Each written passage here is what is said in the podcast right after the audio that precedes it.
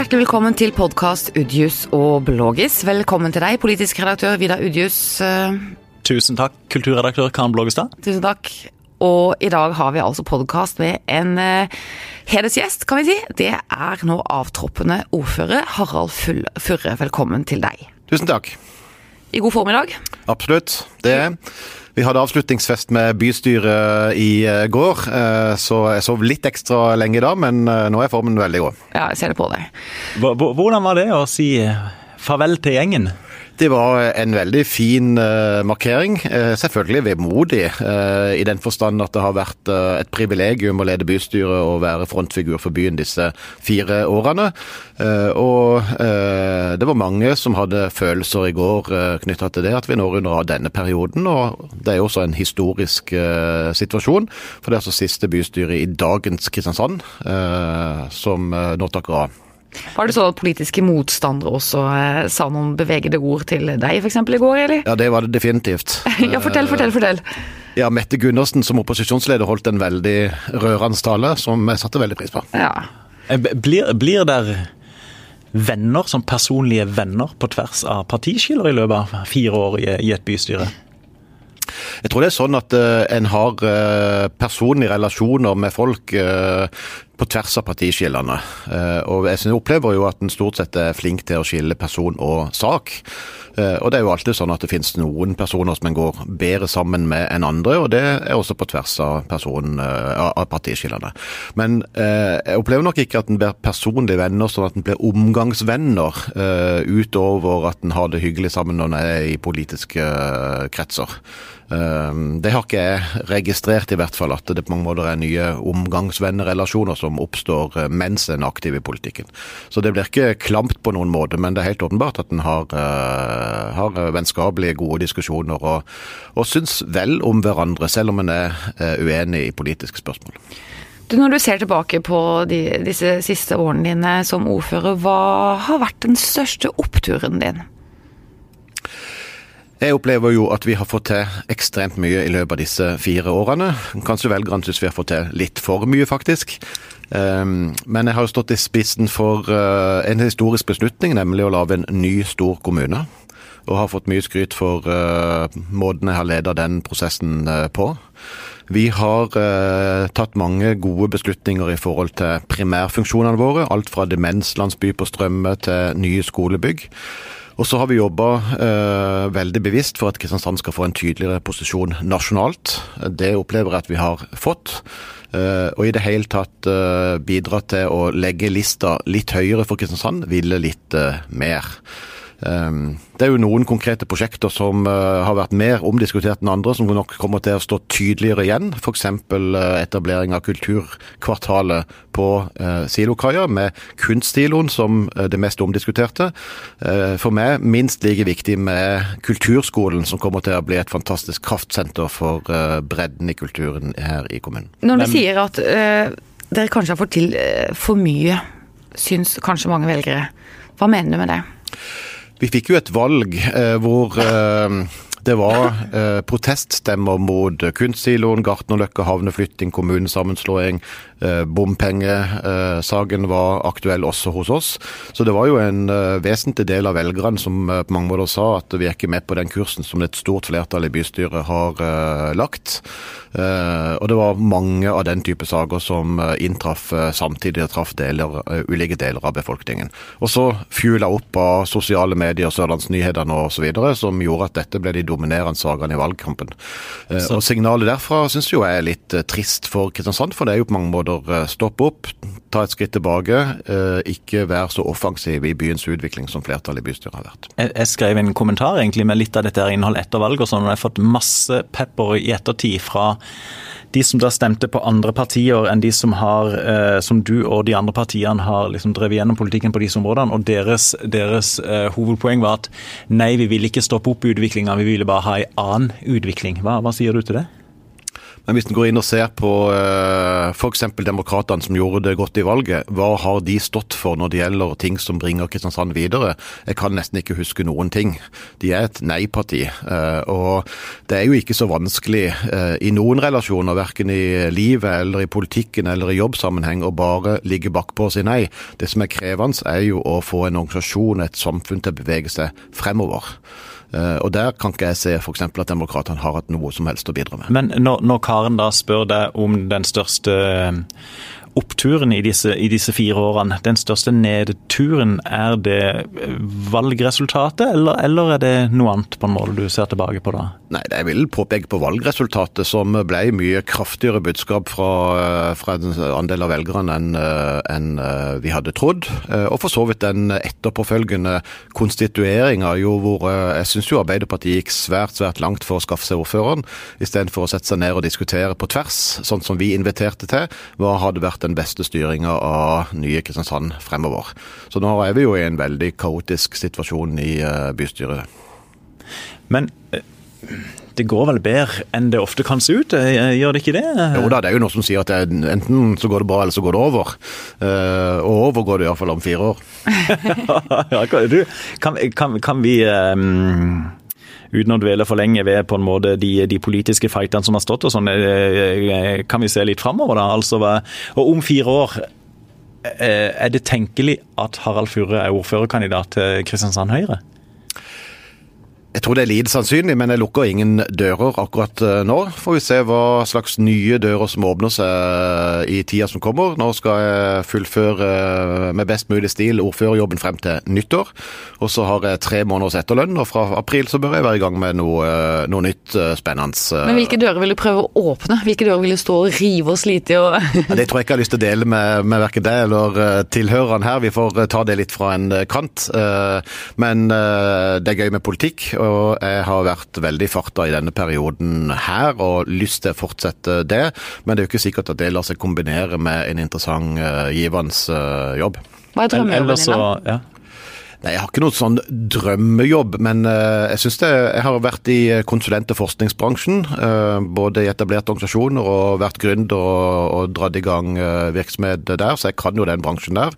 Det en bransje med veldig hyggelige og flinke folk, men samtidig eh, litt begrensa økonomiske og strategiske muskler. Så det å ha vært i en stor organisasjon som Kristiansand kommune er, det er givende. Så jeg har nok mest lyst til å fortsette i noe som er litt uh, med størrelse. Og eh, en viss størrelse er det jo over Stortinget? Ja, det kan du si. Jeg lukker ikke døra her der heller. Får vi se hva tida kommer bringer.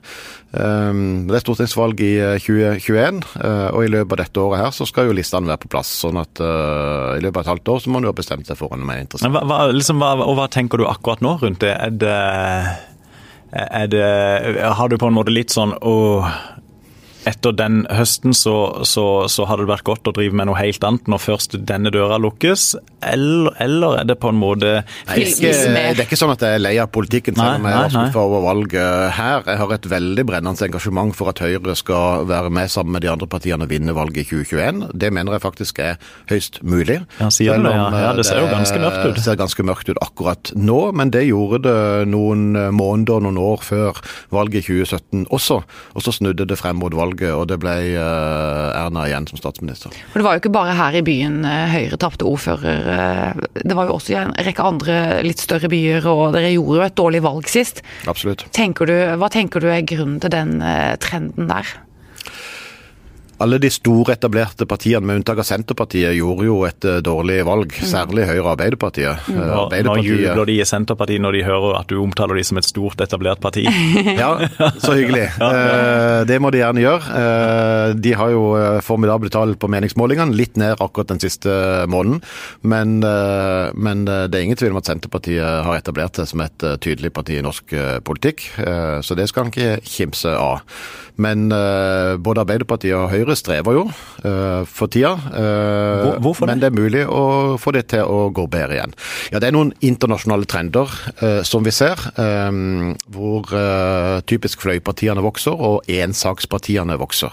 De som er opptatt av ett spørsmål og som egentlig ikke har løsninger på alle spørsmålene. Og Det er jo utfordringa også til Høyre at vi har gode svar på det meste, men det betyr også at det er vanskelig å komme frem med ett eller to spisse budskap i en valgkamp.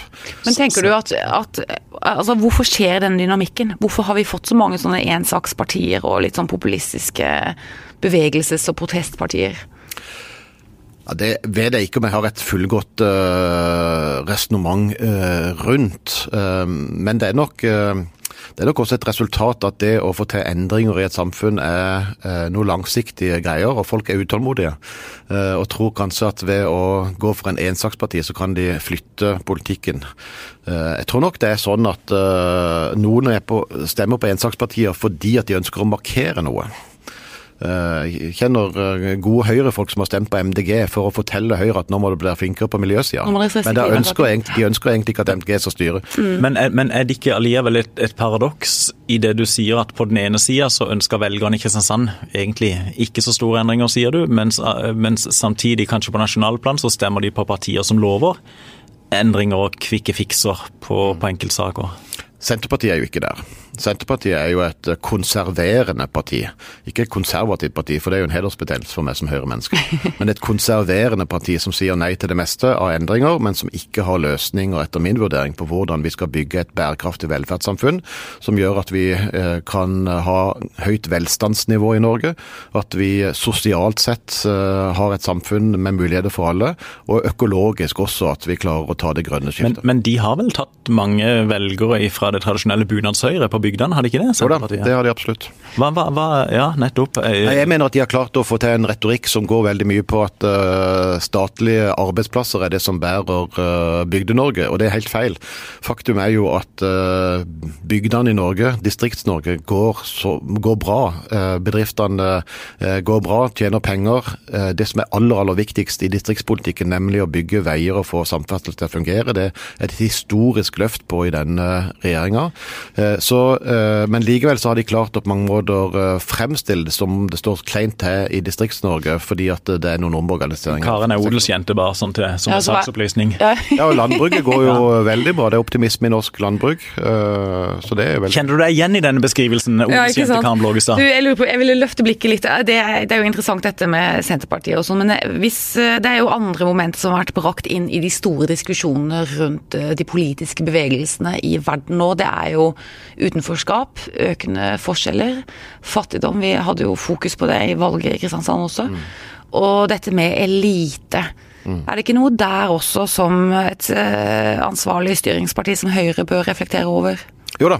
Det er absolutt uh, viktige dimensjoner du, uh, du, tar opp der. Det er en svær, uh, svær, debatt. Dette med utenforskap tror jeg er et av de viktigste poengene. og noe av det sentrale en kan gjøre for å trygge demokratiet og sørge for en solid utvikling fremover, det er å sørge for at alle har mulighet til å delta i samfunnet og blir inkludert. Jeg tror nok mange av de som er klassiske protestvelgere, er folk som er litt på utsida. og det er det er kjedelig. Vi må få flest mulig med inn i samfunnet vårt. Det er jo f.eks. årsaken til at jeg har tatt initiativ til ei egen eh, gruppe med dyktige folk som nå ser på hvordan vi kan få flere folk i arbeid her i Kristiansand. Det er den største utfordringa, å få folk i jobb. Du, Hvis du skulle skru tida tilbake nå, da til... kan, kan, jeg først stille et oppfølgingsspørsmål? Er det, for, for er det godt og intelligent? Jeg, jeg håper det. Vi husker på ditt spørsmål. Men for, fordi at når, når, du, når, du, sier det, Fure, altså betydningen av å få folk i jobb som står utenfor arbeidslivet. Samtidig ser vi at økonomien vår i, i, Norge og i Kristiansand har vokst stort sett år for år for år eh, i ganske mange år. Eh, men yrkesdeltagelsen har allikevel gått ned. Eh, er det, er det, et litt naivt spørsmål, men er det mulig å gjøre noe med det? Eller skyldes dette også at flere og flere manuelle jobber forsvinner? Men det er jo nettopp pga. de tallene der du beskriver som det er viktig å få jobber med å få folk i jobb. Eh, og så er utfordringa i det norske arbeidslivet at for å være verdt lønna, som er ganske bra eh, for de aller fleste, grunnlønna i Norge er ganske høy, så må du på mange måter levere mer eller mindre 100 eh, hele arbeidsdagen.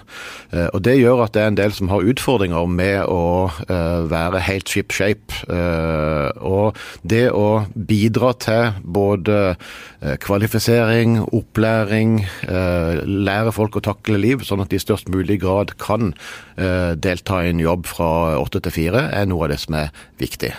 Eh, for vi ser absolutt at det er en del som strever med å henge med i det krevende arbeidslivet vi, vi har. Så mangel på klassisk manuelle jobber er jo en viktig forklaringsfaktor.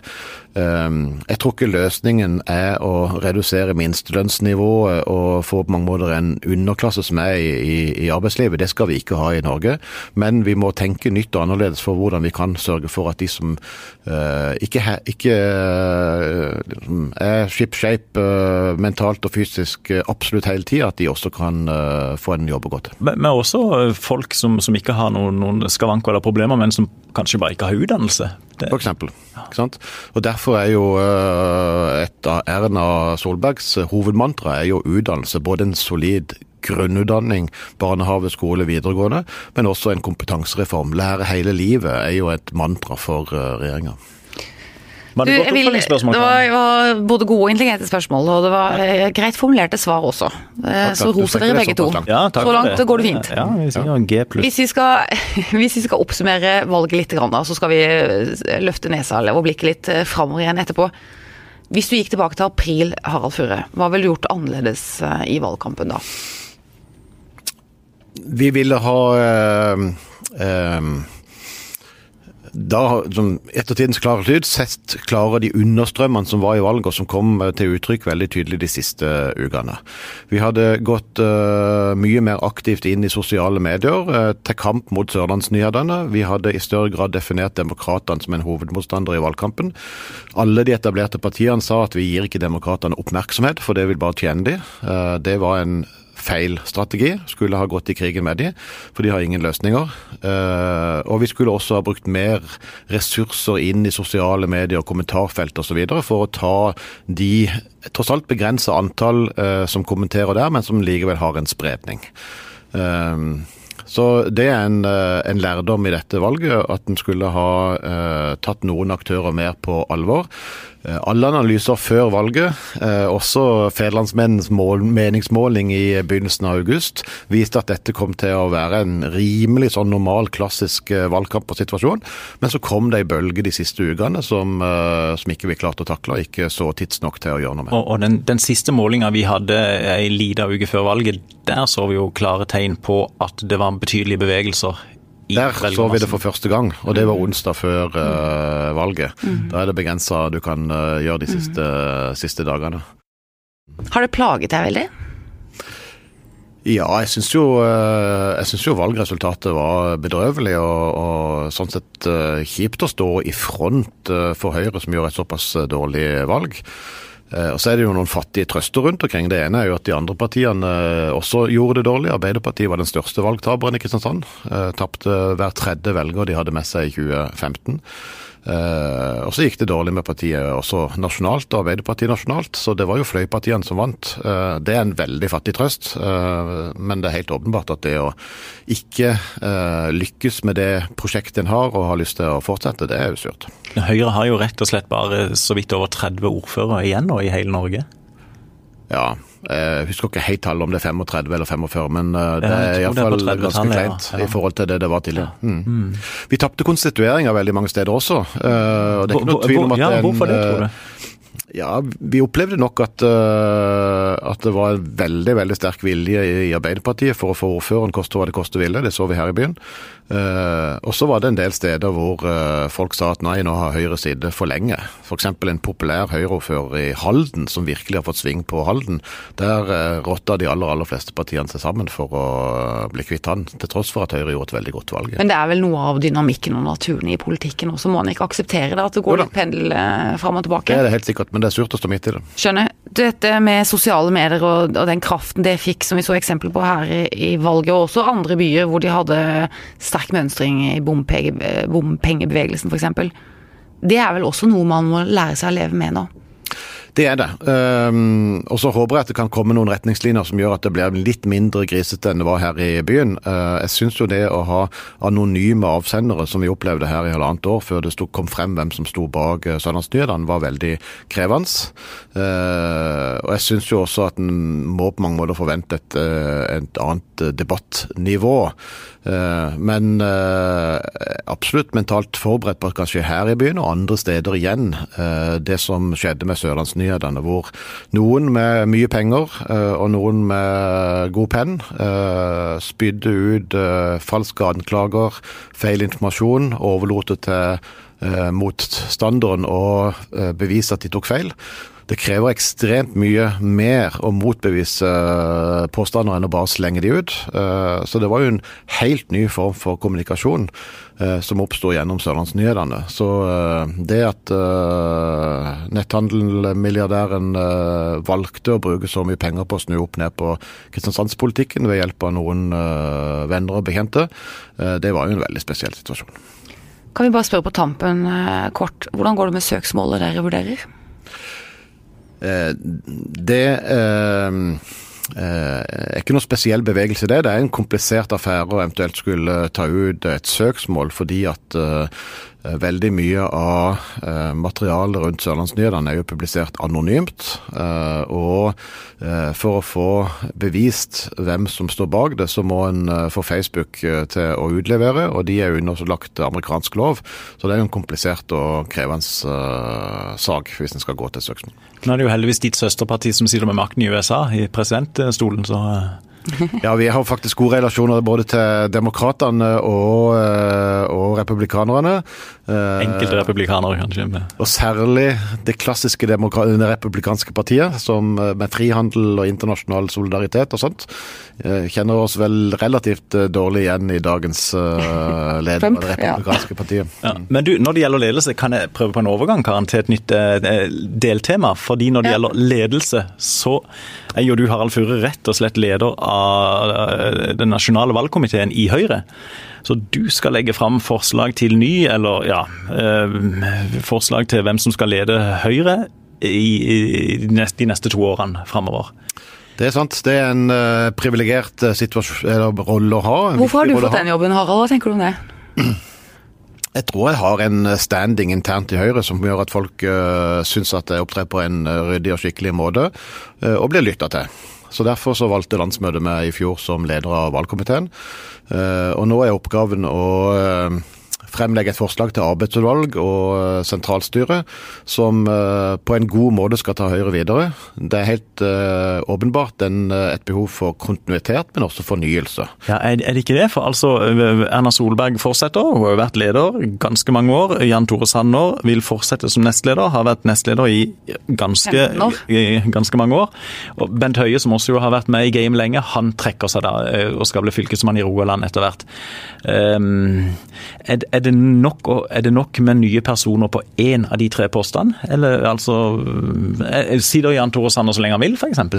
Nei, det gjør han selvfølgelig ikke. Det er jo sånn at uh, alle er oppe til uh, vurdering når valgkomiteen jobber. Eh, jeg tror vi hadde gjort en tabbe hvis vi hadde foreslått noe annet enn eh, Erna Solberg som partileder. Da hadde vi sannsynligvis eh, gått på et tap på landsmøtet, for å si det sånn. Men du kunne, du kunne jo kommunisert det her først, f.eks. Ja, det hadde nok vært interessant for Feven. Ja. Og vi behøver ikke si det videre, så det Nei, nettopp. Nei. Um, Nei, så det er vel ikke noe Men så er det helt åpenbart at, ja. at Jan Tore Sanner har gjort en veldig, veldig god jobb, og gjør en god jobb. Han er viktig for regjeringsprosjektet. Um, men alt diskuteres, uh, og så skal vi fremlegge en samla innstilling. Det er jo sånn at uh, det det er da uh, den ledertrioen, og så er det to direkte valgte inn i arbeidsutvalget, som jo er virkelig den sentrale delen av Som møtes en gang i uka, er det ikke sånn? Jo, møtes en gang i uka. Eh, kvinnepolitisk, som også er med i arbeidsutvalget. Og så skal vi velge fire stykker inn i sentralstyret, som møtes litt senere. Og så roper jo distriktene på representanter i Høyre sentralt. Og en distriktsrepresentant som sier nei til gjenvalg i sentralstyret, det er jo Janne Fardal Kristoffersen mm. ja, i Lindesnes. Mm. Så, er, ja. så hvor, hvor, mange, hvor mange nye tipper du at dere kommer til å foreslå? Jeg tror ikke jeg skal gi noe eh, estimat eh, på det, men det kommer til å bli en naturlig fornyelse. Eh, det som er veldig fint i Høyre, det er å først konstatere at vi har mange gode folk å ta av. Det gror godt i Høyre. Det andre som er veldig fint, det er at folk vil hverandre vel. Jeg har ikke opplevd noen spisse albuer. Eh, Jeg har opp, ikke opplevd Det, noen er det sant i et stort nasjonalt parti som Høyre? Ja, det er faktisk sant at det er ikke sånn at folk sier at jeg vil eh, på bekostning av andre. Folk sier at jeg har lyst til å være med og, på dette laget videre. Eh, men jeg har ikke hørt noen som er der ute og som sier at eh, den og den vil vi absolutt ikke ha, og jeg skal absolutt inn der. Men det må vel være en maktkamp der, uh, vel Jeg opplever ikke det jeg vil kalle en maktkamp, men at det er folk som vil noe for Høyre videre, eh, uten eh, tvil, som har lyst til å være med og bidra. Så folk er jo ikke likegyldige, de er engasjerte, positive og melder seg til tjeneste. Eh, men det er jo noe annet enn en maktkamp. En maktkamp vil jeg jo typisk forbinde mellom ulike fløyer i et parti eller lignende, så det har vi ikke. Har dere ikke ulike fløyer i Høyre? Ikke som kommer til uttrykk i form av, eh, av ulike kandidater osv. Vi har eh, de som er veldig tydelige på at vi må ha en eh, stemme for distriktene. Klassisk for distriktene, ikke sant. Og så er det de som sier at vi må ha en eh, tydeligere stemme på klima. Eh, Den type innspill er jo der, eh, også i det åpne, åpne rom. Men eh, noen maktkamp mellom ulike fløyer vil jeg ikke kalle det. Har dere også stemmer som sier at nå er det på tide med en statsråd fra Sørlandet i Høyres mannskap? Eh, Eller må du si det selv? Ehm, nei, nå er jo Sørlandet eh, rimelig bra representert i eh, regjeringa med to statssekretærer og én statsråd. Eh, så vi jobber jo fra Høyres side for å sørge for at Sørlandet er godt representert også inn i regjeringsapparatet. Det er det absolutt. Ehm, men eh, men eh, eh, noen store forventninger der har vi vel kanskje ikke. Vi får se hva som skjer. Ja, men du, hvis en um, tar situasjonen bare litt sånn post for post i, uh, i de postene dere skal besette, foreslå besatt i valgkomiteen. Erna Solberg, det ble foreslått gjenvalg. Uh, er vel ganske sannsynlig. Uh, og så foreslår dere en ny nestleder i stedet for Bent Høie. Uh, Nei, du får ikke meg til å gi noen tips på navn. Nei, du sier det. og- Tina Bru, Rogaland har vært nevnt. Si om det blir jente eller gutt eller Jeg vil ikke mann si noe eller om dame eller Hvis jeg sier liksom jente øh, under øh, 40 Så er det Tina Bru. fra vestre del av Skarre opp æren, ja. Ja. Det gjør jo faktisk ikke Tina Bru. Det jeg har øh, gjort, Nei, så det er å øh, nevne noen av de navnene som er flinke i Høyre. Ja, nevn- folk nevn de som her, er ja. i regjeringa. Ine Marie Søreide f.eks. Glitrende. Torbjørn Risaksen, Isaksen, fantastisk. Men som vel har Eh, sagt at han Som ikke har sagt at han ikke er interessert i å bli nestleder, eh, men stiller seg til disposisjon for arbeidsutvalget videre. Eh, Henrik Asheim, Tina Bru, uh, Margaret Hagerup, uh, Lønseth fra Trondheim. Ja. Um, vi har mange i Høyre som kan nevnes, og som kan bekle viktige verv. Hvor vanskelig er det da å på en måte foreslå én av de som ny nestleder, og dermed ikke foreslå en del andre? Ja, Det er jo noe av det som er utfordringa. Så kan det veldig lett lage en stillingsbeskrivelse, for å si det sånn, som, eh, som er veldig ambisiøs, og så skal det pares med en person som skal matche dette i størst mulig grad. Og Det er jo ikke sikkert at eh, vi finner personer som ivaretar alle dimensjonene som det er behov for. Men Ringer du rundt til fylkesledere på en måte for å høre hva er stemninga og sånn, eller tenker du at nei, dette gjør vi i valgkomiteen ut ifra det vi Nei, nei, Vi har en åpen og fin prosess. Vi eh, har skrevet brev til alle fylkeslagene og bedt om, om innspill. Eh, Tilsvarende til Unge Høyre og senior osv. Vi eh, eh, har dialog. Jeg har samtale med alle de som er i arbeidsutvalget og i sentrale ledelsen eh, for å få deres innspill. Så det er åpne og gode prosesser her. Du, vi må litt, litt løfte blikket litt ut av navnediskusjonen osv. her nå. Du nevnte i stad at eh, det er muligheter for at Høyre kan vinne valget i 2021. Du må si kort hvordan all verden skal dere klare det? Da har jeg lyst til å spole tilbake til 2017, eh, hvor alle meningsmålinger hele våren 2017 viste at Erna kom til å tape valget. Eh, og i august 2017 så var det en partilederdebatt under Arendalsuka. Der var det sånn vorspiel i TV 2, Ja. hvor eh, Støre sa at en statsminister på vei ut, sa han til Erna, må gi plass til en statsminister på vei inn om seg selv. Og så gikk det rett nedover bakke for Arbeiderpartiet, og Erna ble gjenvalgt. Det er vel ikke et sitat han er veldig stolt av i ettertid? Det vil jeg tro. Eh, Jeg mener det er mulig for det første å sørge for at uh, regjeringa fungerer bra sammen. Det er viktig at, uh, at en får et godt team som gjør hverandre gode. De, det har vel vært litt sånn blanda erfaring så langt, eller? Ja, jeg syns de ikke har et potensial for å bli bedre der, for å si det sånn. Men ja. det er helt åpenbart at de fire partiene sammen har hver sine roller uh, inn i et, i et prosjekt. Men det er noen verdier og syn på samfunnet i bunn her som er veldig bra.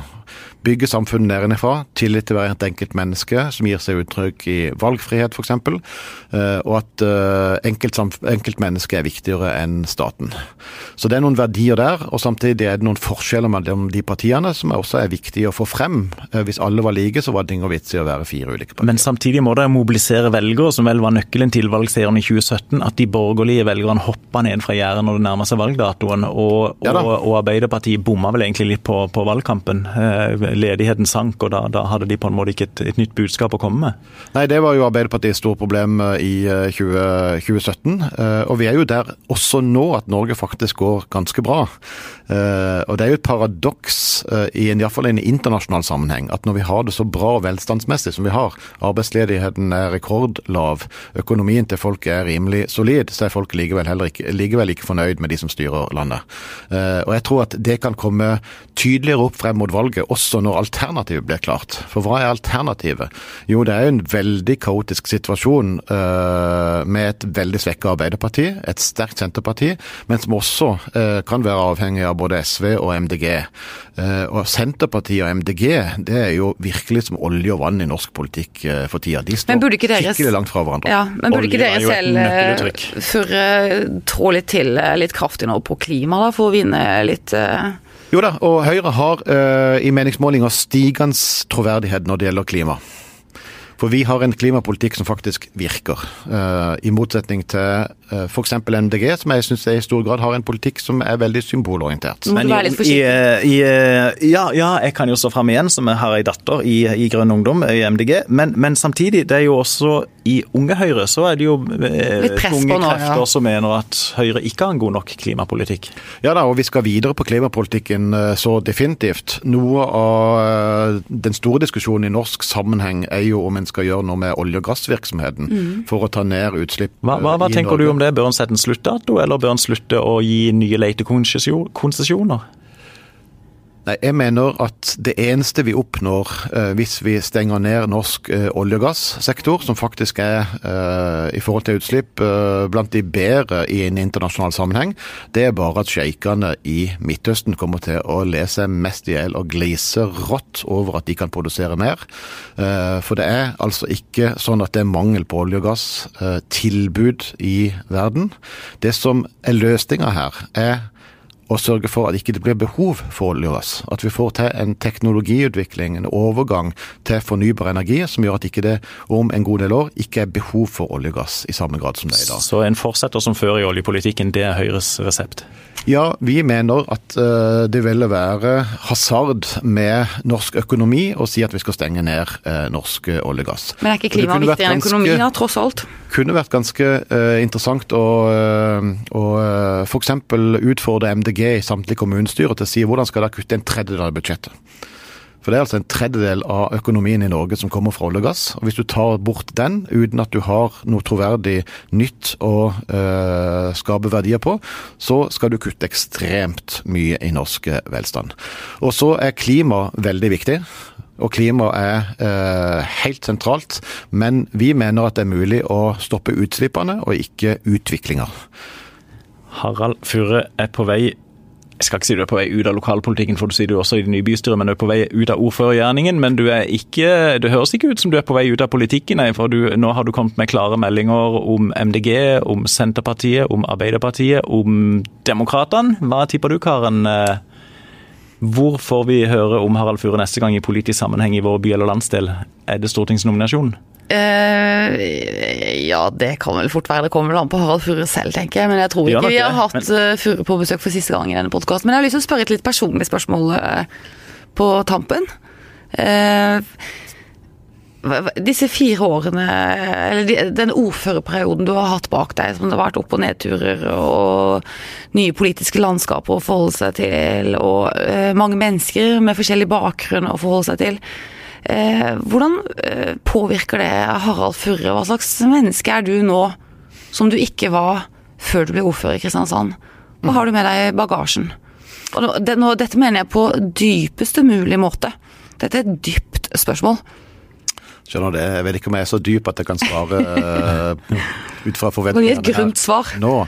Ehm, jeg vet ikke om jeg som person uh, er veldig annerledes. Som mennesketype så tror jeg ikke jeg er noe annerledes nå etter disse fire, fire årene. Men jeg er jo veldig rik på inntrykk og erfaringer og kunnskap. Det å være øverste leder for eh, Sørlandets største virksomhet, som Kristiansand kommune er. Det å være frontfigur for uh, Norges femte største by og, og landsdelen, det uh, har vært veldig meningsfullt og gitt uh, kunnskaper og kontakter i stort monn, så en har lært ekstremt mye i løpet av denne prosessen. Hva vil du holde fram? Hva er det du liksom har lært? Hva er det som står fram som den lærdommen du liksom tar med deg videre etter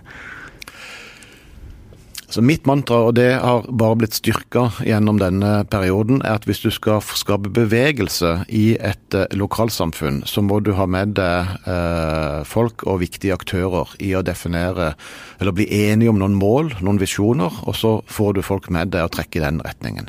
Og det opplever jeg at vi i stor grad har klart eh, i Kristiansand i denne, denne perioden. De som tror at alt styres med et flertall i bystyret, de tar feil. Eh, Det er veldig mange aktører som er viktige for å skape bevegelse i et lokalsamfunn. Og det jeg har stått for, nemlig å forsøke å legge lista litt høyere, ville litt mer for eh, Kristiansand, det opplever jeg at eh, veldig mange har vært med å dra i samme retning. Det skjer mye, alt fra konkrete byggeprosjekter til eh, kunstsilo, til utvikling på universitetet, til kommunesammenslåing. Eh, veldig mye bra nettopp med dette å ville mer for byen, eh, og gjennom det skape bedre eh, levevilkår for folk i Kristiansand. Du har ikke blitt sånn desillusjonert? Nei, det har jeg Skuffet ikke. over mennesker, velgere? Uh, Skuffa over noen enkeltpersoner, selvfølgelig, og sånt, men, eh, men nei, jeg er ikke desillusjonert. eh, eh, det er jeg ikke. Um, men jeg har jo også lært noe om kompleksiteten i forhold til å endre.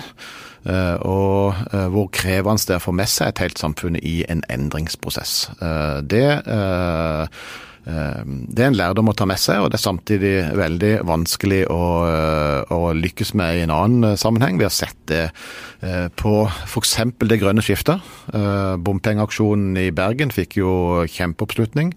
Det er sånn at når de endringene som det er behov for i samfunnet vårt, nærmer seg lommeboka eller eiendomsgrensen, da eh, sier folk at ja, det er fint med endring, men jeg vil ikke endre meg. Men ikke her, ikke på denne plenen. Ja, ikke sant? Mm. Skjønner det. Det blir noen eh, politiske kamper eh, om det framover eh, også, sikkert Harald Furre, selv om ikke du sitter i ordførerstolen. Du skal ha eh, veldig stor og hjertelig tusen takk for at du kom i podkasten vår. Det er alltid veldig hyggelig. Eh, og som sagt, vi regner jo med at det ikke blir siste gang. Vi regner jo med at du blir en aktør på en eller annen måte framover også. Så må du ha veldig lykke til i jobbjakten, eller når du skal banke på dører, eller inn noen dører, eller Nettopp. Tusen takk for det. Hyggelig å være her. Og tusen takk til deg, Vidar Udhus, og takk til alle dere som hørte på.